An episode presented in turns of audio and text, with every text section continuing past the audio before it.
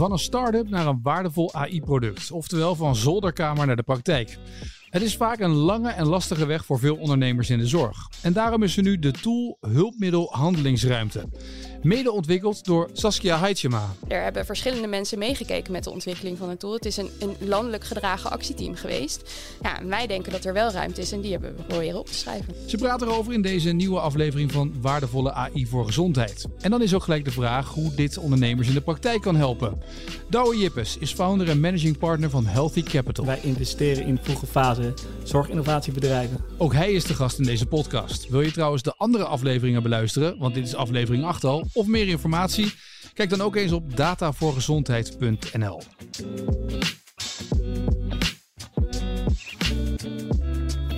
Laten we eens de kader schetsen. Hoe moeilijk is het, Saskia, om een oplossing te vinden die waardevol is voor de zorg? Nou, ik denk dat het verzinnen van een oplossing niet eens zo heel erg ingewikkeld is. Daar heb je wat creatieve mensen voor nodig. Alleen ik denk om de oplossing uiteindelijk in de praktijk geïmplementeerd te krijgen, zodat die echt waarde kan creëren voor de zorg. Het kan een patiënt zijn, of het kan een arts zijn of een ziekenhuis zijn. Dat is denk ik heel ingewikkeld. Wat is de moeilijkheid dan? Nou, vaak hebben ontwikkelaars aan het begin en, en onderzoekers aan het begin niet helemaal door wat er allemaal voor nodig is. En dat komt doordat de zorg heel erg gereguleerd is. Er zijn heel veel verschillende wetten waar je aan moet houden. Uh, heel, veel, heel veel stakeholders die die, erin zitten. Dus je hebt een patiënt, je hebt een arts, uh, je hebt uh, hè, je, je, bedrijfje dat misschien een tool aan het maken is. er zijn heel veel stakeholders waar je rekening mee moet houden. En die moet je allemaal uh, bedienen met je tool. Douwe, is dat ook wat je herkent? Dat het lastig is voor ondernemers om daar allemaal aan te voldoen en om dit allemaal te kunnen? Ja, ik, ik denk dat de gezondheidszorg en de zorg zelf is denk ik een van de moeilijkste markten om innovaties echt op de markt te brengen. En ik, ik, denk ook dat het aan de ene kant heel goed is, omdat we het over mensenlevens hebben.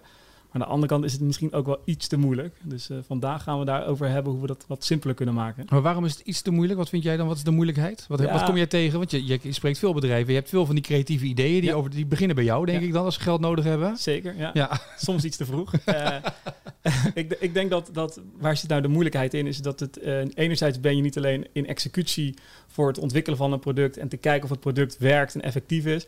Maar anderzijds moet je ook wel nadenken over hoe het verdienmodel zou werken in deze markt. En wat daadwerkelijk het impact is in de dagelijkse taken van de medisch professional die met het uh, product moet gaan werken. En dat, kijk, daar, daar zit denk ik ook de grootste uitdaging. Van je moet op zoveel verschillende aspecten de eerste, zeg maar, het eerste bewijs formuleren om te kunnen zeggen: oké, dit is werkt, dit is effectief, we gaan hiermee door. Ja, dat kost gewoon 1, 2 jaar in een normale markt. En in de gezondheidszorg kost dat gewoon drie jaar.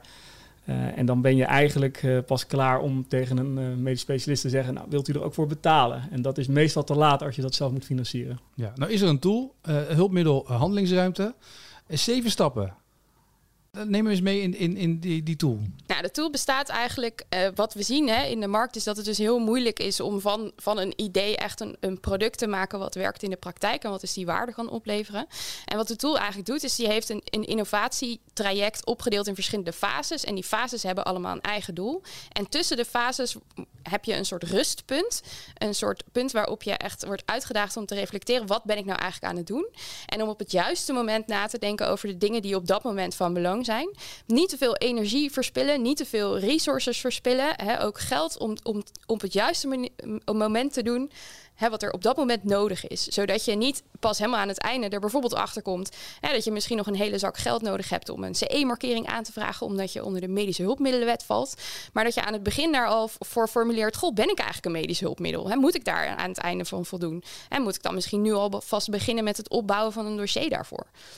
Dat is de verkenning, is dit, of niet? Uh, nou, dat, of is het al verder?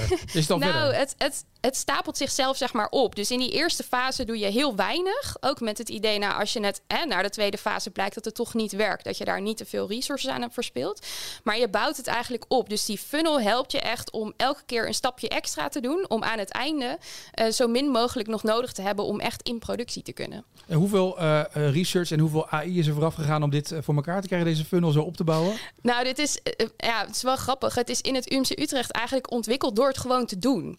En er zijn niet zo heel erg veel ziekenhuizen die die stap nog hebben durven nemen. Door echt te zeggen van nou, we gaan het gewoon proberen. Omdat ik denk ook dat je zo'n zo'n funnel niet kunt maken vanuit een soort hè, van achter. Uh, uh, zeg maar achter de tafel, nee. theoretiserend. Zo van, goh, wat zou je allemaal nodig kunnen hebben? Nee, dat weet je pas als je er in het echt tegenaan loopt. En dat dus hebben eigenlijk zijn jullie kunnen... overal tegen aangelopen? Ja, we zijn tegen heel veel dingen aangelopen. Ja, dat klopt. Ja, en die hebben we allemaal opgeschreven. En dat willen we heel graag delen met, met anderen en ook met andere ziekenhuizen. Omdat we denken dat we daar, ja, dat iedereen daar iets aan heeft. En is er één ding wat steeds terugkwam waar je tegen aanliep, waarvan je dacht, dit is echt een van de dingen waar we steeds tegen aanlopen op weg naar uiteindelijk die waardevolle oplossing? Ja, ik denk dat het allerbelangrijkste is dat je het samen moet doen. Dus het is, hè, dat staat ook in de inleiding van het hulpmiddel. Het is niet een effort die je in je eentje op je zolderkamertje kunt doen. Ook niet als, als start-up. Dus je hebt echt een klinicus nodig. Die kan je vertellen hoe werkt de zorg, hoe werkt de zorgpraktijk, hoe ziet zo'n workflow eruit. Je hebt een patiënt nodig die kan zeggen, oké, dat kan wel zo zijn. Maar voor mij is iets anders belangrijk. Hè, dat hoor je heel vaak. En je hebt iemand nodig die verstand heeft van data of het ontwikkelen van software. Echt. En dat is zeg maar een soort van wat wij de heilige drie-eenheid noemen van zo'n ontwikkelteam. Dat is echt het allerbelangrijkste. Een ontwikkelteam is de basis en daarmee ga je verder in je, Ja. in je innovatie. Ja, daarmee doorloop je eigenlijk die funnel. Hoeveel ontwikkelteams zitten er bij jullie? eh, eh? Ja, in ons huidige Start-ups, portfolio ja. zeven, zeven, zeven bedrijven, maar ik spreek er eh, per jaar denk ik wel zo'n 300 tot, tot 500. eh, of intensief of heel, heel kort, want dan geloof ik meestal niet in het idee of is het toch te vroeg. Maar wat ik herken aan, aan je verhaal is eigenlijk dat het plan, do, check, kijken waar, waar start je nou, wat heb je nodig. Ja, dat is volgens mij heel relevant. En het is wel gaaf om ook de tool ook te zien zoals die uiteindelijk nu eh, staat. We mogen niet over een afproduct praten, maar een MVP. Hè? Maar het gave is dat eh, ja, dit heeft eh, de, de markt denk ik nodig. Niet alleen de ziekenhuizen, maar ook de start-ups. Want er komt echt een soort infrastructuur beschikbaar. Van waarom maak nou eigenlijk de keuzes? Waar moet ik voor, voor- eigenlijk vooruitdenkend al eh, mee aan het werk gaan? Dus ja, wij vanuit Healthy vinden dit een heel mooie tool. En eh, gaan het zeker adviseren en aanraden aan de bedrijven die we spreken. Maar ik vind het ook heel mooi als we dat wat breder in de, de markt zouden kunnen neerzetten. Omdat heel veel van de, de vraagstukken zijn eigenlijk hetzelfde voor heel veel bedrijven. Ja. Dus we hebben best wel veel kennis met elkaar. En dat moeten we ook delen. En we moeten ook samen zorgen dat dit soort tools ook bijdragen aan de kwaliteit van, eh, van eigenlijk de ontwikkeling van digital health en van eh, ja, zorginnovatie en, en artificiële intelligentie. Eh, hoeveel bedrijven had je al in je portfolio kunnen hebben als ze allemaal dit stappenplan hadden doorlopen? technisch gezien nog steeds hetzelfde aantal. Oké. Omdat we natuurlijk niet, we hebben maar een beperkt budget om te investeren met, met het fonds wat we hebben. Dat is een ander, ander gesprek. Maar Ja. het leuke is dat, ehm, kijk, hadden we sneller beslissingen kunnen maken als er meer informatie voorafgaande beschikbaar was? Zeker weten. Hadden we misschien nog betere investeringen kunnen doen? Mogelijk. eh, omdat je meer informatie hebt voorhand. Eh, wij zien ook heel veel eh, van onze portfoliobedrijven die eigenlijk vooruit aan het leren zijn. Dus die zelf ook heel veel informatie hebben wat ze eigenlijk niet delen met collega's in het veld, omdat ze ja, heel hard aan het rennen zijn naar hun eigen doel. Eh, en, en dat herken ik ook heel erg in de tool. En, en ik vind de term ook, hè, eh, de, de, het woordje ruimte in de, in de tool vind ik heel sterk. Want daar gaat het om. Hè, van hoe zorg je nou dat je de ruimte pakt om te zorgen dat je alvast de juiste dingen neerzet. En dat zien we bij ons in het portfolio terug. Lessons learned. Hoe kun je snel met elkaar eh, de juiste mensen spreken? Hoe kun je alvast vooruitdenken? Welk, welke invalshoek voor het onderzoeksprotocol is nou daadwerkelijk relevant? Ja, ja ik, weet je, en dat proberen we mee te geven bij alle startups die we spreken. Maar dat is ook wel, echt, vind ik, soms hogere wiskunde. Want elk onderwerp weer een andere, andere invalshoek vraagt. Het woord ruimte valt nu een paar keer. Is er nou in de zorg heel veel ruimte om, eh, ja, om met, zo, met, zo'n, met zo'n plan aan de slag te gaan? Want dat is ook een veelgehoorde klacht toch, van de ondernemers. Ja, maar er is te weinig ruimte, er zijn te veel regels, we kunnen te weinig. Nee, ik denk dat er wel degelijk ruimte is. En ik denk dat de tool inderdaad probeert aan te geven waar die ruimte zit. En het is soms lastig om die ruimte te vinden, omdat het, omdat het landschap van al die regels waar je aan moet voldoen, dat is zo versnipperd. Dus als je aan de ene persoon vraagt waar moet ik aan voldoen, dan komt hij met rijtje X aan dingen. En dan als je een andere persoon vraagt, komt hij met rijtje Y aan dingen. En die dingen passen ook nog eens niet op elkaar. Ja. Dus dat is wat we hebben geprobeerd, om een integraal beeld te geven van wat zijn nou al die dingen waar je aan moet denken. En waar zit in al die dingen de ruimte, want die is er echt. Ja, je moet hem alleen gaan zoeken dus. Ja, nou ja, daar helpen we bij, denk ik. Ja, maar daar heb je dus ook wel die driehoek voor nodig, wat je net zei. Je moet wel steeds met, met meerdere mensen samen, je moet die driehoek hebben om die ruimte te gaan vinden. Ja. En als je Ja. dan, ja, maar dat kan niet hoort, wat moet je dan doen? Dan moet je nog een keer gaan praten. Nog een keer? Wellicht met de collega van degene die nee zei. Er zijn altijd mensen in een organisatie die conservatiever zijn en mensen die flexibeler zijn en meer innovatie-minded. En ik denk dat elke organisatie dat je op zoek moet naar die laatste. En ik wil helemaal niet oproepen om alle regels aan je laars te lappen, want daar is de tool ook helemaal niet voor bedoeld. Nee. Hè, maar er zijn wel mensen die, die, die de regels zo strikt interpreteren. ehm, die maken dus geen gebruik van die ruimte. En dat proberen we aan te geven. Hè, er hebben verschillende mensen meegekeken met de ontwikkeling ontwikkeling van een tool. Het is een, een landelijk gedragen actieteam geweest. Ja, en wij denken dat er wel ruimte is en die hebben we proberen op te schrijven. En innovatie is er ook een klein beetje frustratie en dan daarop doorborduren, toch? Ja, absoluut. Dat is waar we het net al over hadden. Dat je af en toe er tegen de muur aanloopt en dan denkt, oké, nou ja, weet je, misschien is er nog een deurtje ergens. Nou hoorde ik ook in volgens mij aflevering 1 of 2 van deze serie hebben we het gehad onder andere over, nou je noemde het de zolderkamer uh, innovaties al, dat heel veel uh, innovaties blijven ergens op die zolderkamer liggen en bereiken dat ziekenhuis helemaal niet. Dan vraag ik me af, hoe komen die mensen die op die zolderkamer zitten nu bij dit stappenplan, dat ze in ieder geval van die zolderkamer afkomen en dat ze de zorg inkomen? Ja, nou dat is een heel veel gehoord probleem. En het is niet alleen de softwareontwikkelaar op de zolderkamer, maar het is ook de onderzoeker die een, een proefschrift heeft geschreven die denkt, nou gaan we implementeren. En dan blijkt er dus een gat te zitten tussen wat je hebt gedaan als onderzoeker en hoeveel moeite het dan nog kost om het te implementeren. En ik denk dat we dit inderdaad, het is een minimal viable product, het moet verder doorontwikkeld. Um, maar wat, wat belangrijk is, is dat we het gaan fine-tunen op verschillende gebruikers. Dus dat diegene op die zolderkamer het inderdaad tegenkomt en dan weet waar die heen moet om, om dat team samen te stellen. He, dat er een platform is waar die ervaringen kan delen met andere mensen op zolderkamer. Wat kan je daarmee doen, zeg maar, om dat te, te krijgen bij de bedrijven die jij ook uiteindelijk zal willen hebben voor de toekomst? Ja, ik denk dat wat heel goed is in Nederland op dit moment is dat er een bewustzijn is dat we de zorg moeten transformeren. Dus we kijken veel meer programmatisch naar hoe we uh, nieuwe innovaties moeten implementeren in, in, in de Nederlandse zorg. Ik denk dat er um, sinds de coronacrisis veel meer zicht is op hoe digitalisering echt bijdraagt aan goede zorg en, en dat het ook noodzakelijk is om dat soms digitaal te kunnen aanbieden. Als je, als je jouw vraag eh, weet je, uitkleedt van wat is er nodig om dat, die stappen te zetten, ik denk dat we moeten beginnen bij een hele goede infrastructuur. Ik denk dat er nog zeker op data-uitwisseling, um, bekostiging, nou, het zijn een paar kleine onderwerpen om te ja, noemen. Maar minor, uh, en, en ook zeg maar daadwerkelijk de, de, de, de implementatie in de medische richtlijnen. Als we die aspecten mee kunnen nemen um, in de komende jaren om zorg te transformeren, dan gaan we een grote stap vooruit zetten.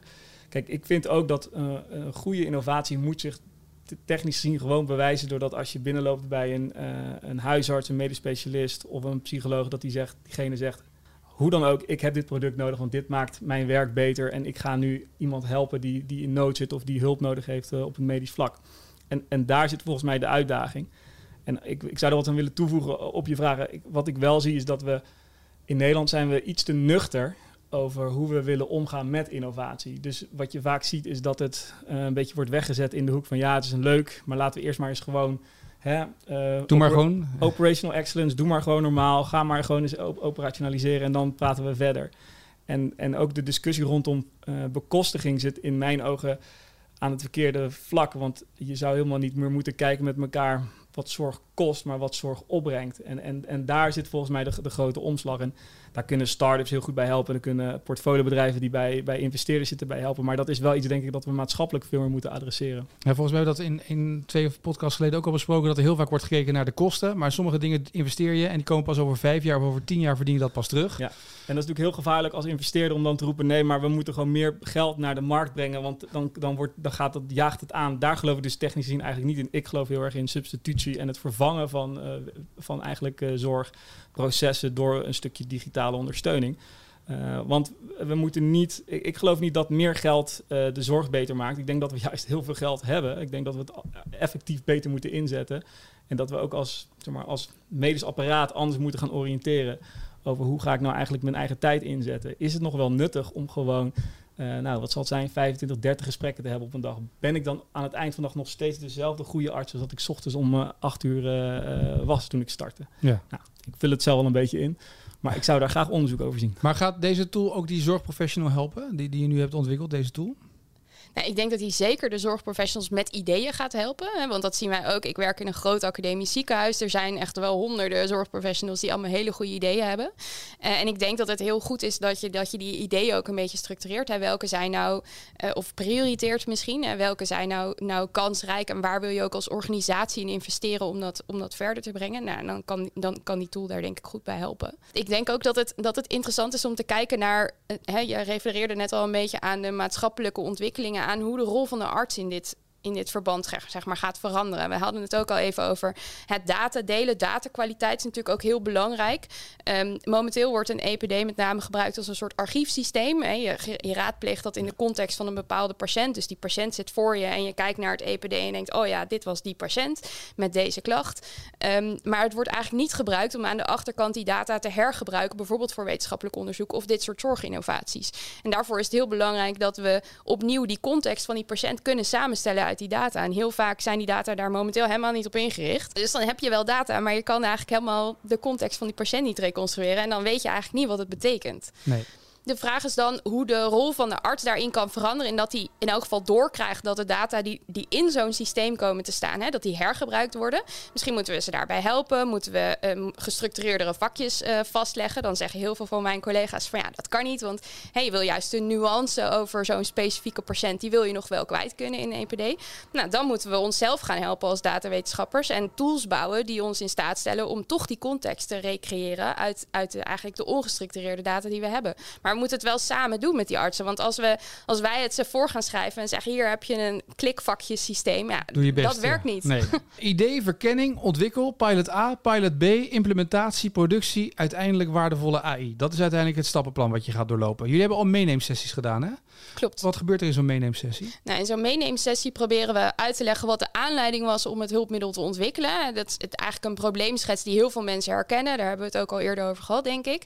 En daarna nemen we mee, hè, hoe zit het in elkaar? Hoe kun je ermee werken, praktisch gezien? En daarna vragen we uit, goh, heb je het al gebruikt? Waar loop je tegenaan? Uh, kunnen we jullie helpen met het implementeren in je, in je organisatie bijvoorbeeld? En daarna gaan we ook nog in op de community die we graag willen vormen rondom het hulpmiddel. Samen met de NL-AI-coalitie, om, om het een zachte landing te laten hebben in heel veel verschillende zolderkamertjes en ziekenhuizen. En Wat is het eerst dat mensen roepen als ze het al geprobeerd hebben of dat ze ernaar kijken? Ja, er zijn nog niet zo heel veel mensen die het, die het geprobeerd hebben. Um, maar wat we vooral merken is dat heel veel mensen toch nog een stapje specifieker willen. Dus wat we hebben opgeschreven zijn voor alle fases, hè, waar moet je nou aan denken? Dus eigenlijk het wat, maar hoe je dat vervolgens moet doen of hoe je dat moet vormgeven of hoe je een rapport moet schrijven of hoe je een business case moet maken. Ja, daar zijn heel veel mensen nog, nog een beetje onzeker over. Zeggen ze dan ja, ik weet eigenlijk niet hoe dat moet of uh, kun je me daar handvatten voor geven? En die mensen willen we ook uitdagen om hun ervaringen te delen, bijvoorbeeld in zo'n platform van de NLAI-coalitie en ook te kijken wat het beste past binnen hun organisatie. Want geen organisatie is gelijk. En als wij die vertaling al wel hadden gemaakt naar het hoe, dan hadden heel veel organisaties gezegd: Oh, dat is niet voor mij. Ja. Terwijl nu hebben we het bewust generiek gelaten, uh, zodat iedereen er nog zijn eigen persoonlijke twist aan kan geven, zodat het zoveel mogelijk eindgebruikers kent. En het blijft ook generiek.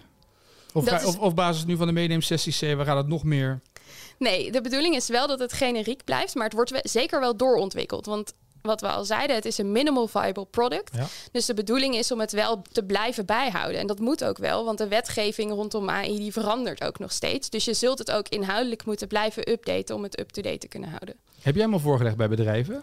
Nou, het is wel leuk. Ik, uh, ik ga dat zeker doen. En ik, ik heb het nog niet gedaan, omdat ik uh, ook een beetje voorzichtig was met uh, het werd nog gelanceerd. En weet je, dan moet je, ik had het iets eerder gezien.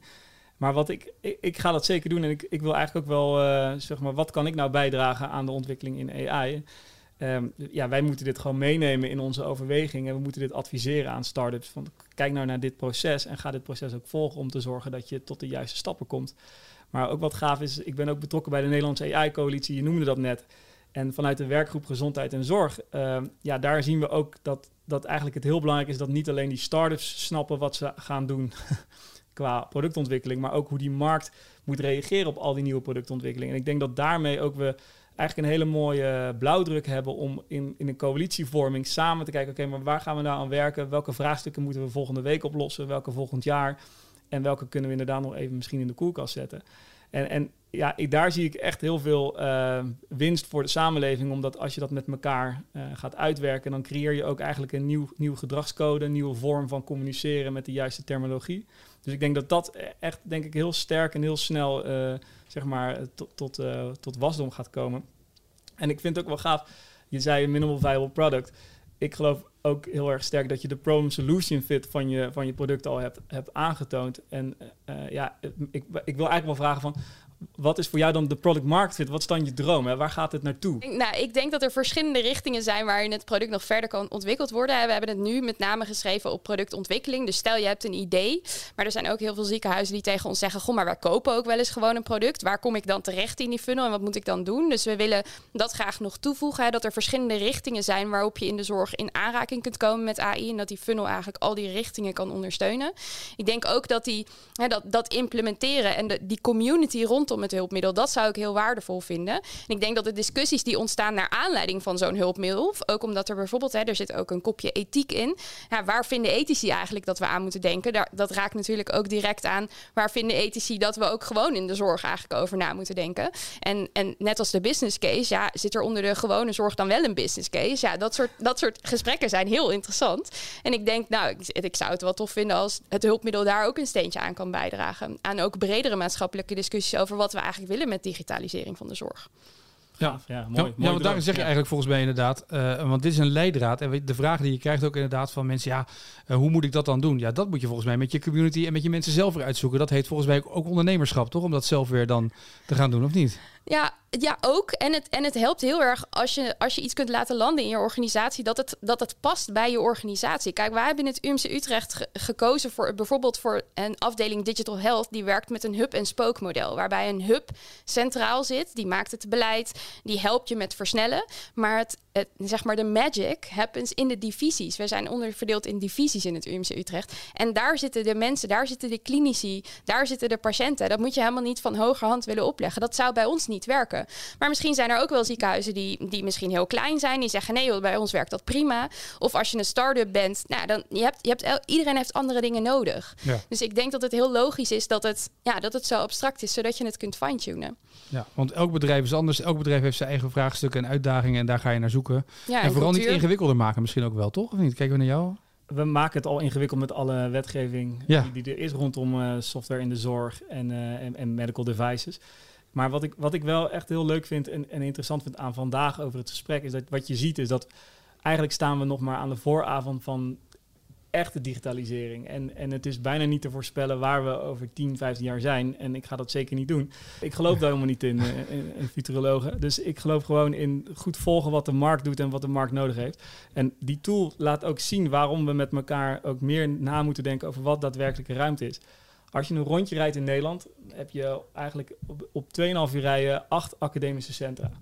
We hebben de, topklinische ziekenhuizen. We hebben goed georganiseerde eerste lijn via zorggroepen. We hebben eigenlijk een hartstikke mooi ecosysteem om nieuwe innovaties in te laten landen. Uh, als je kijkt naar de innovatiedichtheid in de, in de gezondheidszorg, dan doen we niet onder voor uh, de, de, hubs in, in Europa, zoals Berlijn, Frankrijk, met Parijs. Het gaat hartstikke goed.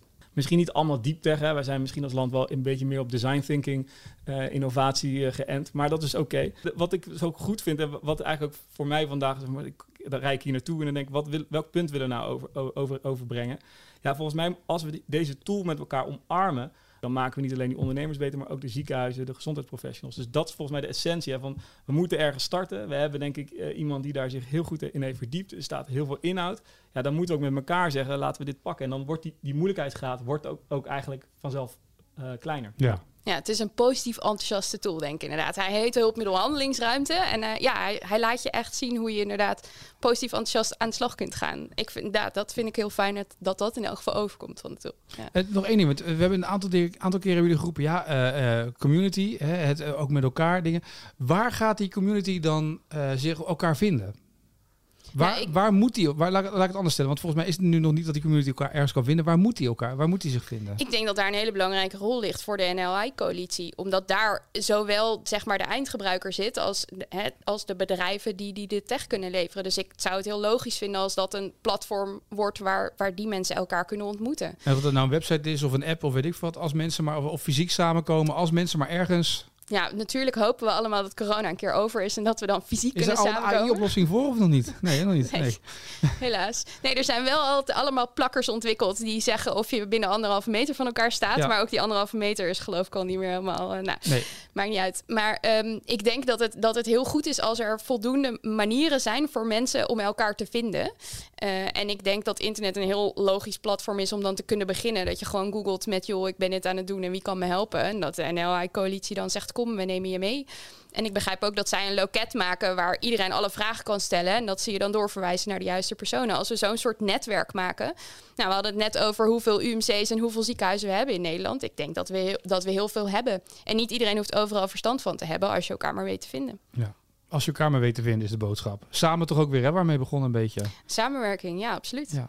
Is dat de, de, de, de heilige graal, samenwerking? Ja, ja, nee, kijk, weet je, ik krijg een beetje kippenvel van. Want ik vind dit leuk. Wat er ontstaat is dat, dat in Nederland wordt heel erg ook gewerkt naar je eigen doelstellingen. En uh, we hadden in de voorbespreking hadden we het over topsport. En dat we allemaal trots zijn dat uh, we heel veel medailles op de Olympische Spelen hebben gehaald. Maar het begint ook met een hoger doel. En met elkaar eigenlijk heel erg doelgericht naartoe werken. En nou doet de normale burger misschien niet heel erg toewerken naar de Olympische Spelen, behalve dan dat hij meeleeft tijdens de Olympische Spelen. Maar het feit dat we als land zoiets kunnen bewerkstelligen, dat we kunnen zeggen, oké, hier maken we uh, budget voor vrij, hier gaan we met elkaar naartoe werken. Ja, met zo'n vergezicht, daar moet je volgens mij uh, met elkaar uh, naartoe willen gaan. En dat, kijk, ik word heel erg enthousiast, want ik geloof heel sterk dat ik er iets mee kan in mijn dagelijkse werkzaamheden. En ik denk dat de NLIC-coalitie zeker moet omarmen. Ja. Mag ik jullie beiden danken voor dit gesprek? En uh, mocht je nou de andere podcast waar we al een aantal keer aan gerefereerd hebben willen terugluisteren, dat kan. Je kan ze allemaal weer terugvinden via jouw favoriete podcastplatform. En dan kan je daar de andere uitzendingen van deze serie uh, Waardevolle AI voor de Zorg uh, terugluisteren. Dank allebei en graag tot de volgende aflevering.